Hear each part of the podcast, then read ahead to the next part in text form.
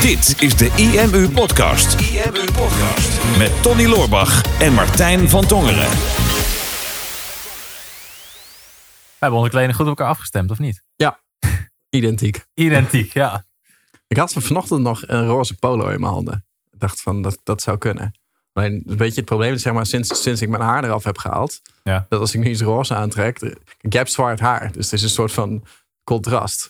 Maar bij mij is is een soort van, dan word ik een soort van, eenheidsworst. nou, ik dacht als ik zo'n roze trui aan doe, IMU, dat heb ik af en toe met van die webinars, dan begin ik een beetje zo'n Barber Papa te worden.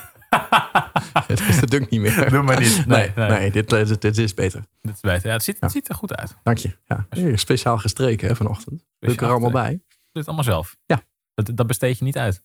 Nee, ik ben een moderne man. Nice. doe het allemaal zelf. Nou, Ik, zag dus, ik was dus laatst bij de stomerij om een pakketje op te halen. Toen zag ik dat ze een strijkservice hebben. Hm. En toen dacht ik, dit is bij mij om de hoek. Want ik vind strijken dus echt verschrikkelijk. Ja. En helaas mijn vriendin ook. Hm. Ehm, dus ik dacht, van, nou, dit, dit is best een goede deal. Want daardoor draag ik bijna nooit overhemden. Want ik vind overhemden super leuk staan. Alleen ja, als je ze was, dan moet je ze wel strijken. En dat vind ik echt Ja. kut. Dus je zou ze ook gewoon niet kunnen wassen. Ja, ja, dat zou ik. Ik heb, ik heb nu dus een, een nieuw merk ontdekt. Dat heet Lab Fresh. En die kan je dan drie keer dragen voordat je hem hoeft te wassen. Omdat het, ja, dat is een nieuw soort spul. of Zo. Nou, top. Die heb ik drie, precies drie keer gedragen. Gewassen. En nu hangt hij nog gekreukeld. Ah de ja. kast. ja. Dus, maar goed, dat, dat is dus iets wat je zou kunnen uitbesteden. En dat is leuk, want haakje. Ja, het is echt heel slecht. Oké. Een bruggetje naar de vraag van Rick. Met een spookje voor zijn naam. Ik denk dat Rick wat jonger is, dat het zijn Snapchat is. Weet niet zeker, maar ik gok het. Hè? Spooky wel. Ja, zo'n spookje. Rick. En Rick die zegt: Hey Martijn, ehm, ik heb bijna jullie boek uitgelezen, veel nuttige info uit kunnen halen, waarvoor dank. Ik luister ook geregeld jullie podcast. Ehm, en ik heb een vraag waar ik vaak tegenaan loop. Ehm, ik heb namelijk de uitdaging dat ik een beetje een control freak ben. En ik heb dan de vraag: van, ja, ik wil meer impact gaan maken. Ik wil meer doen met mijn business. Maar ja, ga ik het dan allemaal zelf doen? Of ga ik dingetjes uitbesteden? En hoe vind je dan goed personeel? Of hoe vind je goede freelancers voor goede prijzen? Wanneer je budget nog niet heel groot is. Ik werk nu veel via Fiverr.com. Maar ik ben benieuwd hoe jullie erover denken. Ja. Keep up the good work. Nou, Stond er nog. Nou, doen we dat. Ja, Ja, dan doen we dat. Voel je toch de druk, hè? Ja, dat dacht ik al. Dus Ja. strijken zou je potentieel kunnen uitbesteden. Maar over business uitbesteden Mhm. zijn we het wat vaker met elkaar eens. Ja, klopt, ja. ja. Nou ja, het zijn natuurlijk twee verschillende vragen. Hè, van moet je überhaupt al gaan uitbesteden? En ehm, heel vaak wordt die tweede vraag er meteen bijgesteld van hoe kom ik dan aan goed personeel? Voor En- een knappe prijs. Ja, klopt. En, en, en 99 van de 100 keer wordt die vraag gesteld door iemand die nog helemaal niet gezocht heeft. En nog helemaal niet een referentiekader heeft van wat wil je, wat wil je dan uitgeven en wat is jouw definitie dan van goed? Ja. Eh, ik denk ook helemaal niet dat je, dat je daarmee bezig zou moeten zijn nog in dat stadium. Hè. De, de, de eerste stap die je gaat maken als je gaat uitbesteden is gewoon simpelweg de afweging eh, van, van alles wat ik nu doe. Zeg maar, dat takenpakket, zit daar iets bij wat eh, iemand anders net zo goed zou kunnen doen? En zo ja, heb ik daar dan het budget voor? En le- wat levert me dat dan op? Hè? Levert me dat dan energie op? Dat ik het niet meer zou hoeven doen omdat ik het bijvoorbeeld niet leuk vind? Of eh, zit ik gewoon helemaal vol qua taken? En kan ik dit uitbesteden zodat ik dan tijd krijg om iets anders te gaan doen? Hè, dat is eigenlijk de eerste afweging. En, Ja. en de, de tweede afweging is meer van als ik iets uitbesteed, gaat me dat dan meer opleveren dan wanneer ik het zelf zou doen? Hè? En, dan, en dan, moet je daar ook, dan moet je daar ook in investeren. Ja. Ehm, Nog een der- andere afweging die je erbij zou kunnen maken is... alle, wat je net zegt, alle taken die ik heb, is er iets van wat ik zou kunnen uitbesteden, zodat ik tijd vrij maak voor iets anders. Maar het kan natuurlijk ook zijn, ik doe nu al van alles. Mhm. En ik weet dat er een andere taak is die ik ook zou kunnen doen of zou moeten doen om meer impact te maken of om meer omzet te maken. mhm. Ehm, maar ik kan dat zelf niet of ik heb daar geen tijd voor. Kan ik er dan iemand voor vinden om het te doen? Ja, Dus klopt. dat het een volledig nieuw iets is. En je wil er heel graag iets aan toevoegen. Aan Ja, mijn- ik, aan dat, dat, dat rijtje. was een van de eerste dingen Ja. waar ik aan dacht. Ja, precies. Ja.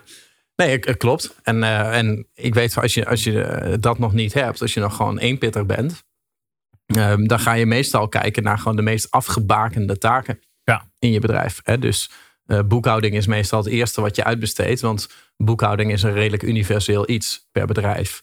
En er zijn bedrijven voor die dat kunnen doen. Dat zijn gewoon letterlijk uren die je doorstreept en die je buiten je bedrijf legt. Ik, ik vond het vroeger altijd heel fijn om te kijken van wat kan ik allemaal buiten de muren van het kantoor neerleggen.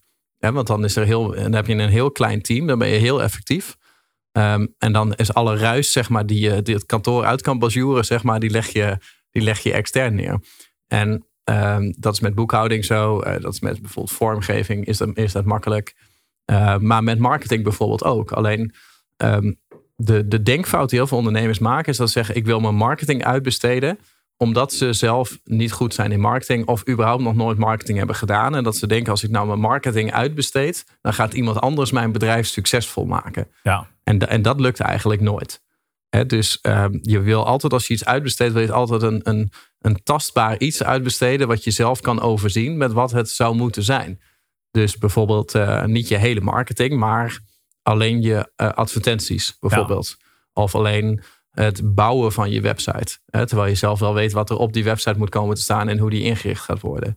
Of ehm, bijvoorbeeld, ehm, nou wat zou ik qua marketing nog meer kunnen uitbesteden? Bijvoorbeeld alleen eh, sales. Hè? Dus bijvoorbeeld eh, salesgesprekken of, of lead opvolging. Maar Schrijven van je teksten. bijvoorbeeld, ja. ja of eh, het optimaliseren van je site qua SEO. Maar, maar niet zeg maar dat je iemand zegt, jij moet nu mijn marketing gaan doen. Want dat, dat is zo'n beetje het moeilijkste wat er is. Ja, en, en om echt de volledige marketing te kunnen doen, moet je een bedrijf zo goed kennen. Vaak is de ondernemer ook de beste persoon om, Ja. om daarmee te helpen. Of iemand die al lang in het bedrijf aanwezig is, die daar dan verantwoordelijk voor zou kunnen zijn. Alleen marketing, zeker online marketing, zitten zoveel unieke taken aan vast. Mhm. Dat kan je niet meer door één persoon laten doen. Nee. Want wij zijn ook geen algemene online marketing expert. Want er zijn zoveel dingen van online marketing waar wij Mhm. de ballen verstand van hebben. Ja. Ik bedoel, ja, gaan we, Zeg ga maar jou- meteen wij. Ja, zeker. Ja, Oké, Weet jij van alles over TikTok marketing? ik weet alles. Vertel. Nee. Nee. Nee, ja, ik weet niet wat TikTok is, maar als ik me even in verdiep, dan weet ik dat. Ja, precies. Ja, ja maar dat, dat, dat, precies dat. Dus je wil ehm, zorgen dat het heel erg afgebaakt is, zodat je dan weet, als ik dit bij een expert neerleg, dan Mhm. kan die ook precies dat stukje goed doen. En dat is ook, ehm, als ik mensen adviseer om iets uit te besteden of om ergens mee aan de slag te gaan met een partij, dan ga ik het liefst stuur ik mensen toe naar een, een partij die specifiek bijvoorbeeld in Facebook marketing eh, eh, de expertise geëxperteerd is. Ja, ja, ja. De expertise heeft in Facebook marketing. En liever naar een andere partij die ehm, bijvoorbeeld weet hoe je sales kan doen. Mhm. Want je hebt ook van die superorganismen die alles bij elkaar doen. ja zoals wij. Zoals wij. wij doen niet de sales dan. Wij doen wel Google Ads en Facebook Ads natuurlijk. Maar dat zijn wel losse takken in hetzelfde bedrijf. ehm, die specifiek daarop focussen. Maar we hebben wel er bewust voor gekozen om natuurlijk heel lang alleen Facebook Ads. En Mhm. het bouwen van funnels te doen. Omdat daar de kracht ligt. En nu zoeken we naar externe expertise Mhm. die we erin eh, aan het bedrijf kunnen toevoegen. Waardoor we die diensten ook kunnen gaan bieden, omdat er ook vraag naar is. Ja. Alleen als je naar een bedrijf toe gaat die zegt, ah, wij kunnen echt alles van A tot Z. Want je ziet echt van die, van die online marketingbureaus die, eh, waar drie mensen werken, Mhm. ehm, maar die wel SEO, Facebook ads, Google ads, YouTube ads, YouTube video's maken, videomarketing, eh websites maken, website design, conversie geoptimaliseerde teksten, neuromarketing. Mhm. Ik denk, als je met z'n drieën bent, dan kan dat niet. Nee. Ofwel, maar echt op een heel laag niveau. Nou, voor jezelf wel. Kijk, ja, ehm, voor je, ja, ik, ik vind wel, als, als ik echt terug ga naar mijn begindagen, toen deed ik echt alles zelf. Zelfs de boekhouding. Mhm. Eh, of tenminste, ik kom uit een boekhoudersfamilie. Ehm, eh, destijds hield mijn, mijn ouders hadden toen ook een boekhoudbedrijf. En die deden dan de aangiftes voor mij. Maar ik regelde zelf eigenlijk alles in. Dus ik had in mijn eentje de business. Maar ja, ik deed de boekhouding. Ik deed de klantenservice. Ik stuurde de programmeur aan. Ik eh, bouwde de website. Ik eh, schreef de mailings. Ik gaf de webinars. eh, ik, ik deed de schoonmaak, zeg maar.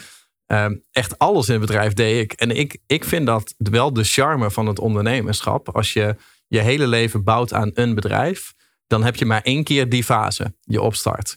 Waarin je gewoon alles zelf doet. En dat je denkt van, oh shit, ik heb me hier een beetje op verkeken. Ik werkte 40 uur in de week. En nu ik ondernemer word, heb ik ineens 10 fulltime banen. Wat ik allemaal door elkaar heen moet doen. Ja, ik, ik zie daar echt de charme van in dat je dat een tijdje moet doen. Omdat je dan, dan heb je het gewoon echt met bloed, zweet en tranen gebouwd.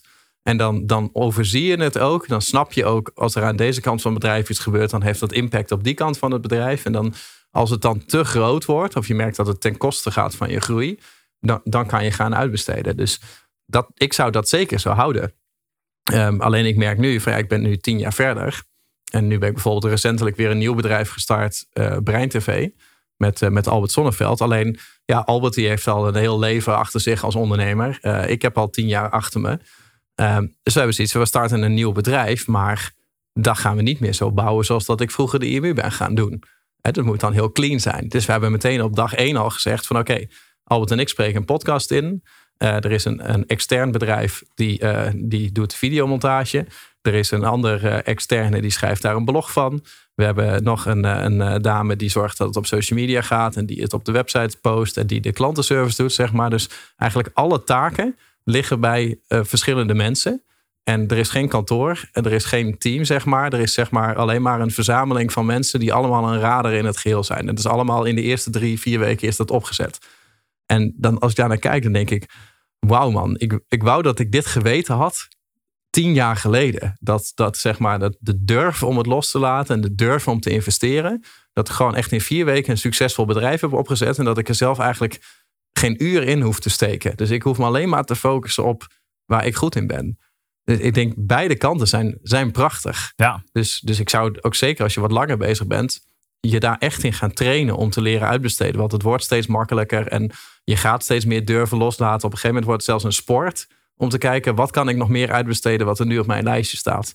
Maar helemaal in het begin, dan wil je toch een beetje die romantiek houden van lekker kneuterig, lekker je eigen dingetje en, en alles zelf doen. Ja, en dan, dan de control freak, zoals Rick dat zelf noemde. Ik denk dat mhm. jij dat ook wel hebt gehad. En dat ik dat ook wel heb gehad. Ja, je, je kan je niet voorstellen dat er iemand anders is die iets beter kan doen voor jouw bedrijf dan dat je dat zelf kan. Nee.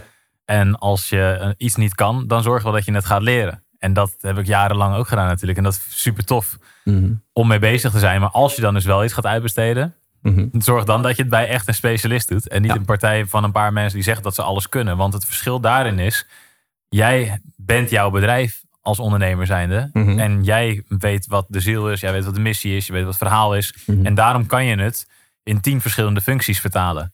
Maar als er een, een, een, bureau is met een paar mensen, die kan niet die tien functies vertalen, want die hebben niet jouw ziel, jouw bedrijf, jouw missie. Mhm. Dus daar zit natuurlijk een heel groot verschil tussen.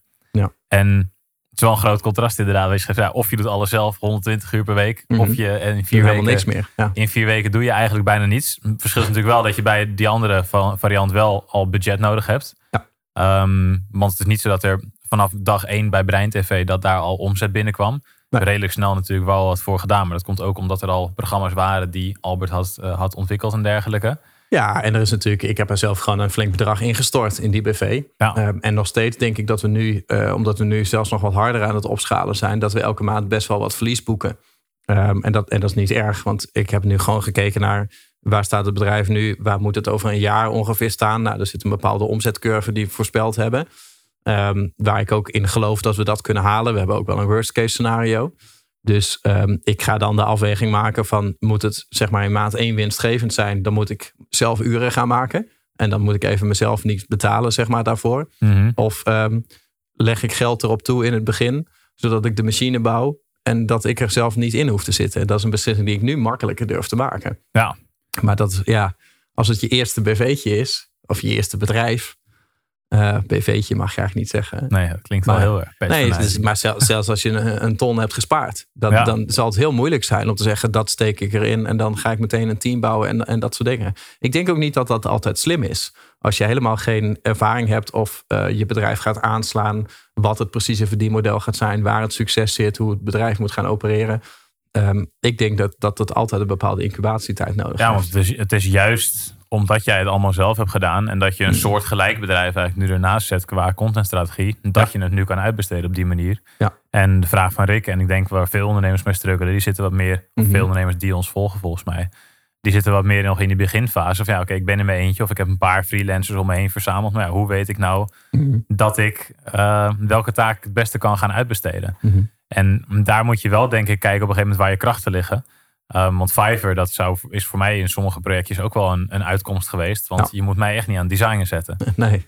ja, je kan mij zelfs een software tool geven om een cover te maken. Maar dan nog lukt het mij om er geen mooie cover van te maken, weet je wel. Ik denk, ja, dat, dat moet ik gewoon niet doen. En op Fiverr kan je echt voor een paar euro... kan je gewoon iemand inschakelen die dat wel mooi in een, in een, in een redelijk net design zet. En dan is het misschien mhm. niet het allermooiste. Want natuurlijk als je een, echt een designer inhuurt die het voor jou maakt... kost het veel meer geld. En dan heb je waarschijnlijk ook een veel mooier resultaat. Maar gewoon, it does the job for now. Het is gewoon prima om nu even online te zetten. Dus dan kan mhm. je dat prima bij Fiverr uitbesteden. Ja. En daar wil je naar gaan kijken. Naar wat zijn nou dingen? Kijk, ik kan wel heel veel tijd gaan steken om beter te worden in het designen. Maar ja, dan, dat betekent dat ik een aantal andere taken in de business zou laten liggen. Ook als ik, als ik nu in mijn eentje een nieuwe business zou starten. Dus dan is het zonde om daar heel veel tijd in te steken om dat te leren. Dan kan je beter kijken, oké, dit is iets wat ik relatief goedkoop kan uitbesteden. Mhm. Dan kan ik ervoor zorgen dat de tijd die ik daarmee win, zeg 10 uur per week of wat dan ook, om een lelijk design te maken. Mhm. Nou, dan geef ik daar een paar tientjes aan uit om een mooi, mooie design terug te krijgen. Dan moet ik zorgen dat ik in die 10 uur, dat ik meer geld verdien dan die paar tientjes die ik daar aan uit zou geven. Nou, Ja. en Dat gaat wel Niet lukken. zo moeilijk. Nee. Dat is niet zo moeilijk. Dus daar wil je eigenlijk over nadenken. Van oké, wat zijn de dingen die mij heel veel tijd zouden kosten, Mhm. maar die wel van essentieel belang zijn om nu een eerste fase van mijn business op te schalen? Nou, ik denk, weet je wat wel leuk is? Volgens mij, ehm, deze aflevering komt online de eerste week van januari, Mhm. eh, denk ik. Want Misschien zeg ik nu twee hele rare dingen. En dat we deze van tevoren hebben opgenomen. Ah. En dat waarschijnlijk helemaal niet klopt. maar, Volgens mij klopt dit wel. maar dat geeft niet. Maar ehm, weet je, eh, wa- wat wij eh, vaak met coachingsgroepen hebben gedaan, natuurlijk in januari meteen, is gewoon een lijst maken. Ehm, enerzijds van, hè, als je nou kijkt naar dit jaar, ehm, maak eh, drie kolommen. Wat wil je aan je bedrijf dit jaar toevoegen? Wat wil je verbeteren? En wat wil je verwijderen? Ehm, en op een gegeven moment hou je in ieder geval verwijderen. Dat hoef je ook niet uit te besteden, zeg maar. Maar als je een kolom overhoudt met dit wil ik toe gaan voegen. Dit wil ik gaan verbeteren. Dan weet je eigenlijk een beetje van wat ga ik doen dit jaar. En je, je kan ook een alternatief kiezen dat je gewoon een dumplijst gaat maken met wat ben ik allemaal van plan om te gaan doen in de aankomende periode. En dat, dat kan van grote projecten zijn tot, tot kleine dingen als eh, ik moet nog even naar de stomerij toe. Of ik moet nog even mijn kleren laten strijken. Ehm, en als je zo'n dumplijst hebt gemaakt, om dan vervolgens daarachter te gaan zetten, ehm, eh, wie gaat dit doen en wanneer ga ik dit doen? Hè, dus, dus, eigenlijk, dus, dus de, de, de wat, wanneer, wie oefening hebben wij ook wel eens gedaan. Ja. En sowieso is wanneer je een hele lijst hebt met taken, zeg maar het wat, dit ga ik allemaal doen. En je gaat vervolgens schrijven wanneer ga ik dat doen, dat geeft dan een heleboel rust. Dat kan je met kwartaal doen, kan je met maand doen, kan je ook met ooit doen. Hè, als, je het niet, als je het niet zeker weet. Op een gegeven moment weet je gewoon een beetje van dit ga ik het komende kwartaal eh, doen. En dan komt vaak de meest confronterende conf- kolom is wie moet dit dan gaan doen? Ehm, en bij ons was het altijd een beetje de oefening van die kolom wie. Daar moet zo weinig mogelijk ik staan. Maar de eerste keer dat je die oefening doet, zul je, zul je zien dat, dat die hele kolom dat er helemaal vol staat met, met ik. Ja. Ehm, en dan wordt eigenlijk een beetje de, de test voor jezelf om naar al die taken te gaan kijken van ehm, zit hier een bepaalde clustering in dat ik bepaalde taken samen kan voegen wat prima door eh, iemand anders gedaan zou kunnen worden. En als je dan niet daar een persoon voor hebt, want je hebt nog niet iemand in dienst of in je netwerk die je daar dan zijn of haar naam op kan schrijven, dat je dan wel al jezelf ik doorstreept en dat je opschrijft iemand anders. En dat, is, dat is lekker Dat is lekker. om ja. op te schrijven. Iemand Ja. anders gaat dit doen. Ehm, en zeker als je er een beetje lekker in komt, op een gegeven moment heb je een lijst met alleen maar iemand anders. En dan denk je, nou, dit wordt een mooi jaar zo. Hè? Dit gaat er allemaal gebeuren. en iemand anders gaat het doen. Maar dan, dan weet je wel van jezelf, oké, dan zal ik dus wel iemand moeten gaan vinden. En Mhm. eh, pak je er bijvoorbeeld tien taken uit waarbij je hebt opgeschreven, iemand anders moet dit doen. Dan kan het maar zo zijn dat er vijf taken tussen zitten die, die best wel dicht bij elkaar liggen.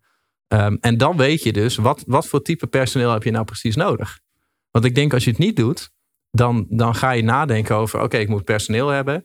Ik moet één iemand hebben die eigenlijk alles kan wat ik ook kan. En dan ga je iemand zoeken die net zo is als jij.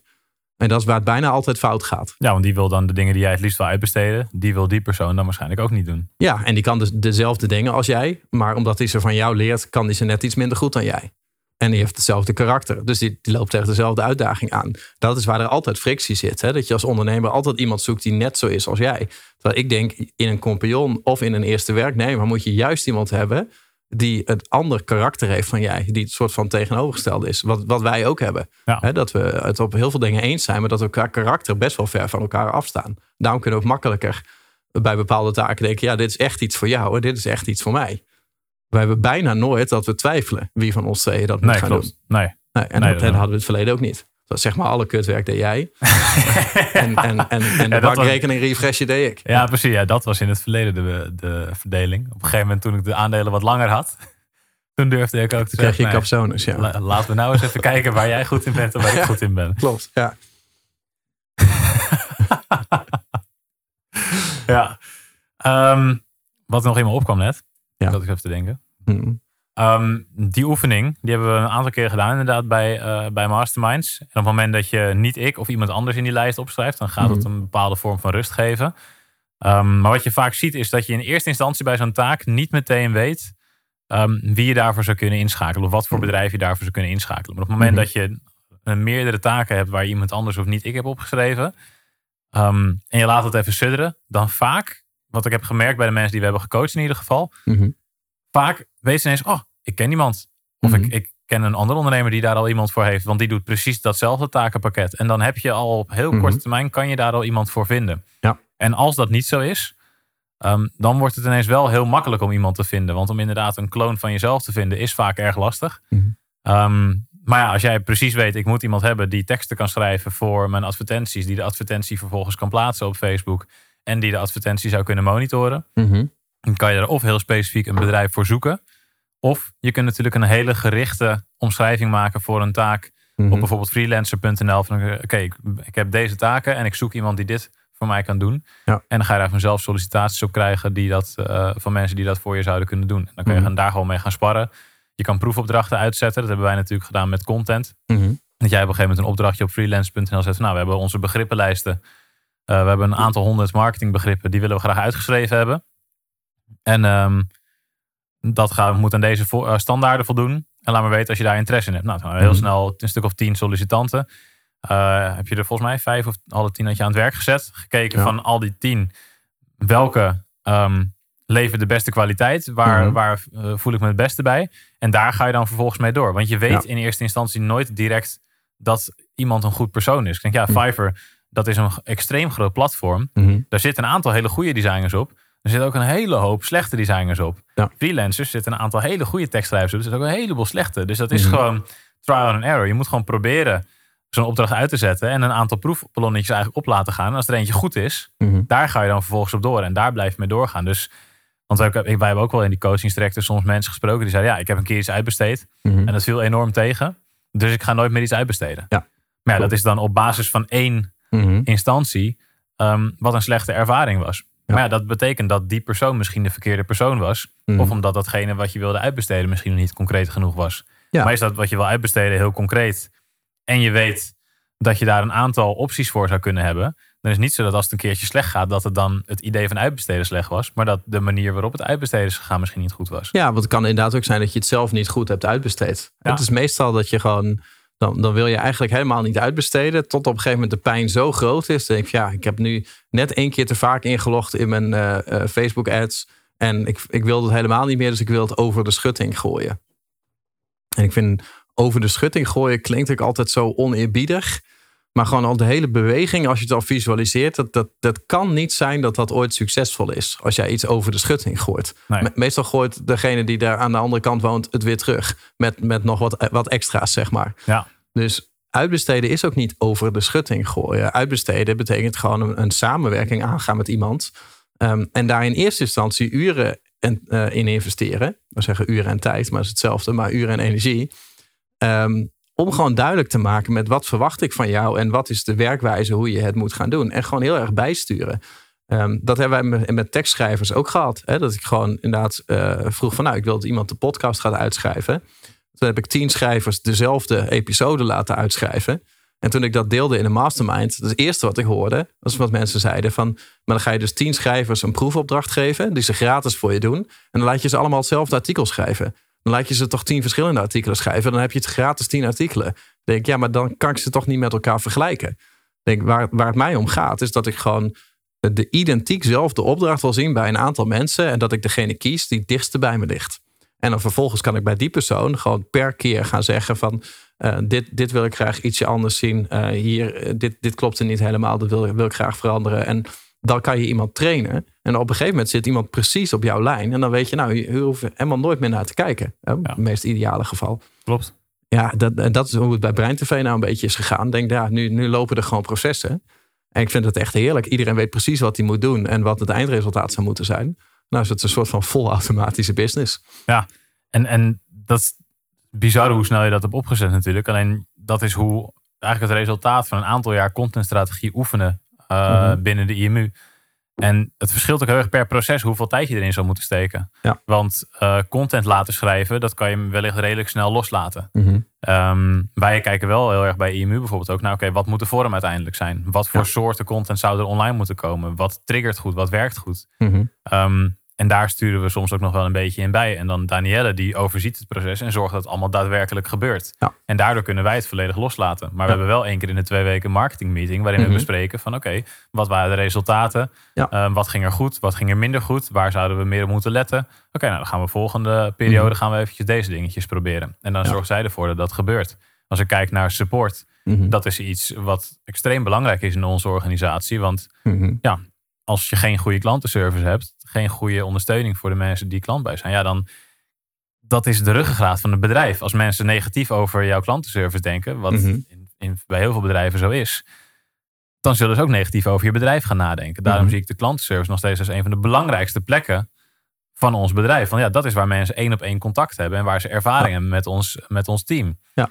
En het is bizar, vind ik, bij hoeveel bedrijven dat het afvoerputje is altijd van het bedrijf. Dat is, Mhm. eh, bij, toen ik bij de mediamarkt werkte, was dat echt bizar, dat verschil tussen verkoop en klantenservice.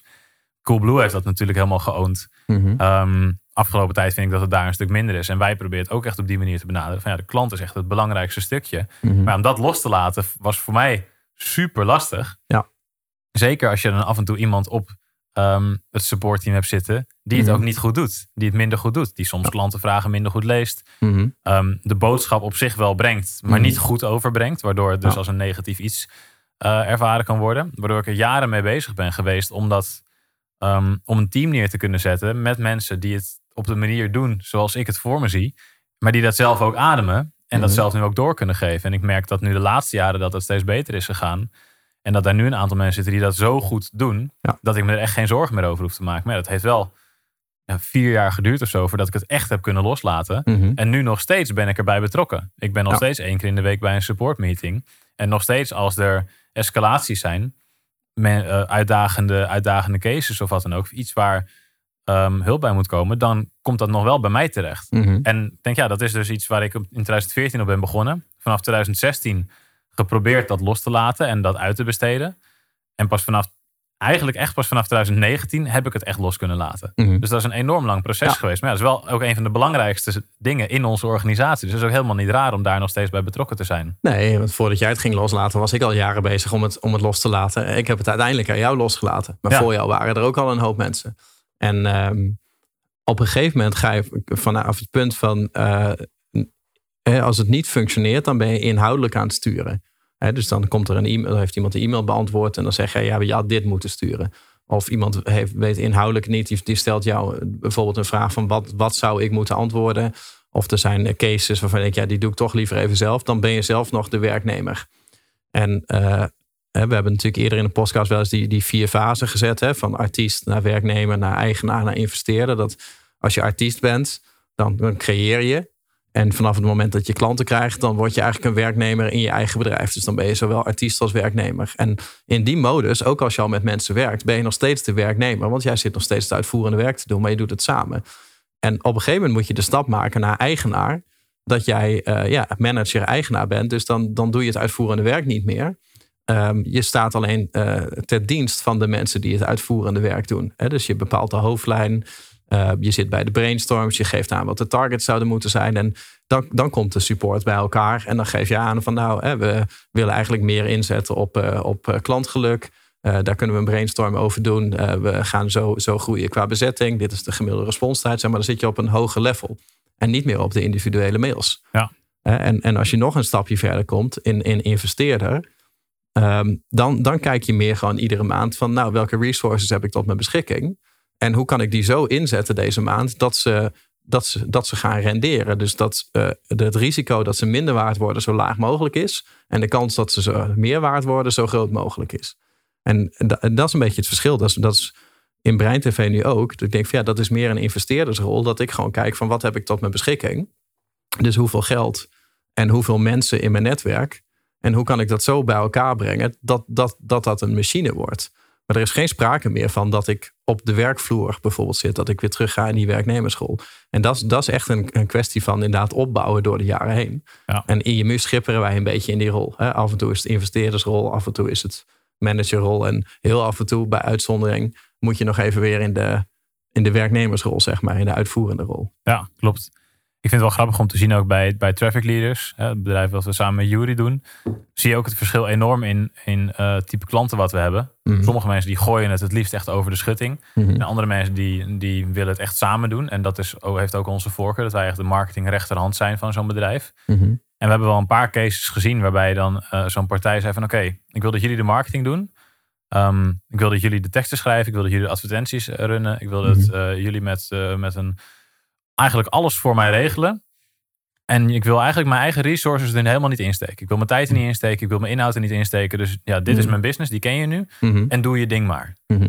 En wonder boven wonder is het dan soms nog wel gelukt om er een succes van te maken. Maar dat is niet een samenwerking waar, waar, waar we blij van worden. Nee. En dat is ook geen samenwerking waar echt enorme groeipotentie in zit. Want ja, dan ligt het daar achter de schutting. Mhm. Maar als, je het, als het hart en de ziel van de ondernemer er niet achter ligt, dan kan je er niet zoveel mee. Dus ook als jij iets uitbesteedt aan een andere partij, dan moet je er wel voor zorgen dat je alsnog betrokken wil blijven bij die partij. Omdat Ja. het eindresultaat, dat is wel iets wat je samen doet. Want het is nog Ja. steeds jouw bedrijf. Dus als je iets uitbesteedt, zorg er wel voor dat je een competente partij hebt. En dat je, ja, dat je zelf ook wil dat het slaagt. Want Ja. alleen maar over de schutting gooien, ja, dat is gewoon een coinflip.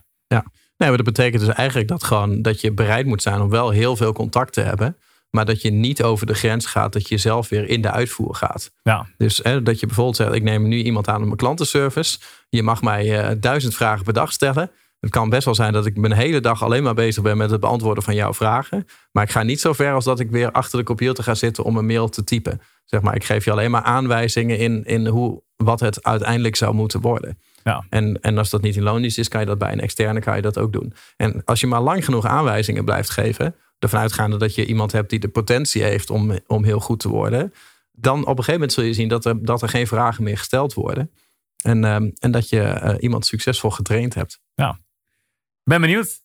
Ben jij al bezig met uitbesteden? Ben jij na deze podcast van plan om dingen te gaan uitbesteden? Laat het even weten onder deze video. Mocht je zelf nou nog tips hebben tot, eh, met betrekking tot uitbesteden, eh, laat het ook even weten onder deze video. Ik denk dat dit iets is waar heel veel ondernemers en heel veel mensen meer van kunnen leren. Ehm, dus vind het leuk om van je te horen. En vergeet natuurlijk niet even een duimpje te geven en te abonneren op ons kanaal, zodat je weet wanneer de volgende aflevering voor je klaar staat. IMU Podcast. Super tof dat je hebt geluisterd naar de IMU podcast. Ik hoop dat je dit waardevol vond en dat je er inzichten uit hebt kunnen halen voor jezelf en voor je eigen business. Vond je dit nou een waardevolle podcast, dan zouden Tony en ik het heel erg waarderen als je dat zou willen delen. Enerzijds door dat bijvoorbeeld te delen via je eigen Instagram of via LinkedIn. Door een screenshot te maken van je telefoonscherm en ons daar even in te taggen. Maar wat we nog meer zouden waarderen is als je de tijd en moeite zou willen nemen om een review achter te laten.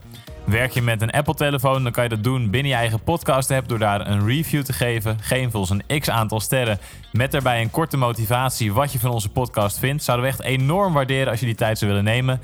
En werk je met een Android-telefoon, dan zie je dat, daar, eh, dat de meeste apps geen review-mogelijkheid hebben. Wat we dan heel erg zouden waarderen is als je op Google IMU zou willen intypen en vervolgens via de Google Review-sectie iets zou willen vertellen over de IMU, wat je van ons vindt en wat je aan onze podcast hebt gehad. Alvast heel erg bedankt en ik hoop natuurlijk dat we je volgende week weer mogen verblijden met een volgende aflevering van de IMU Podcast.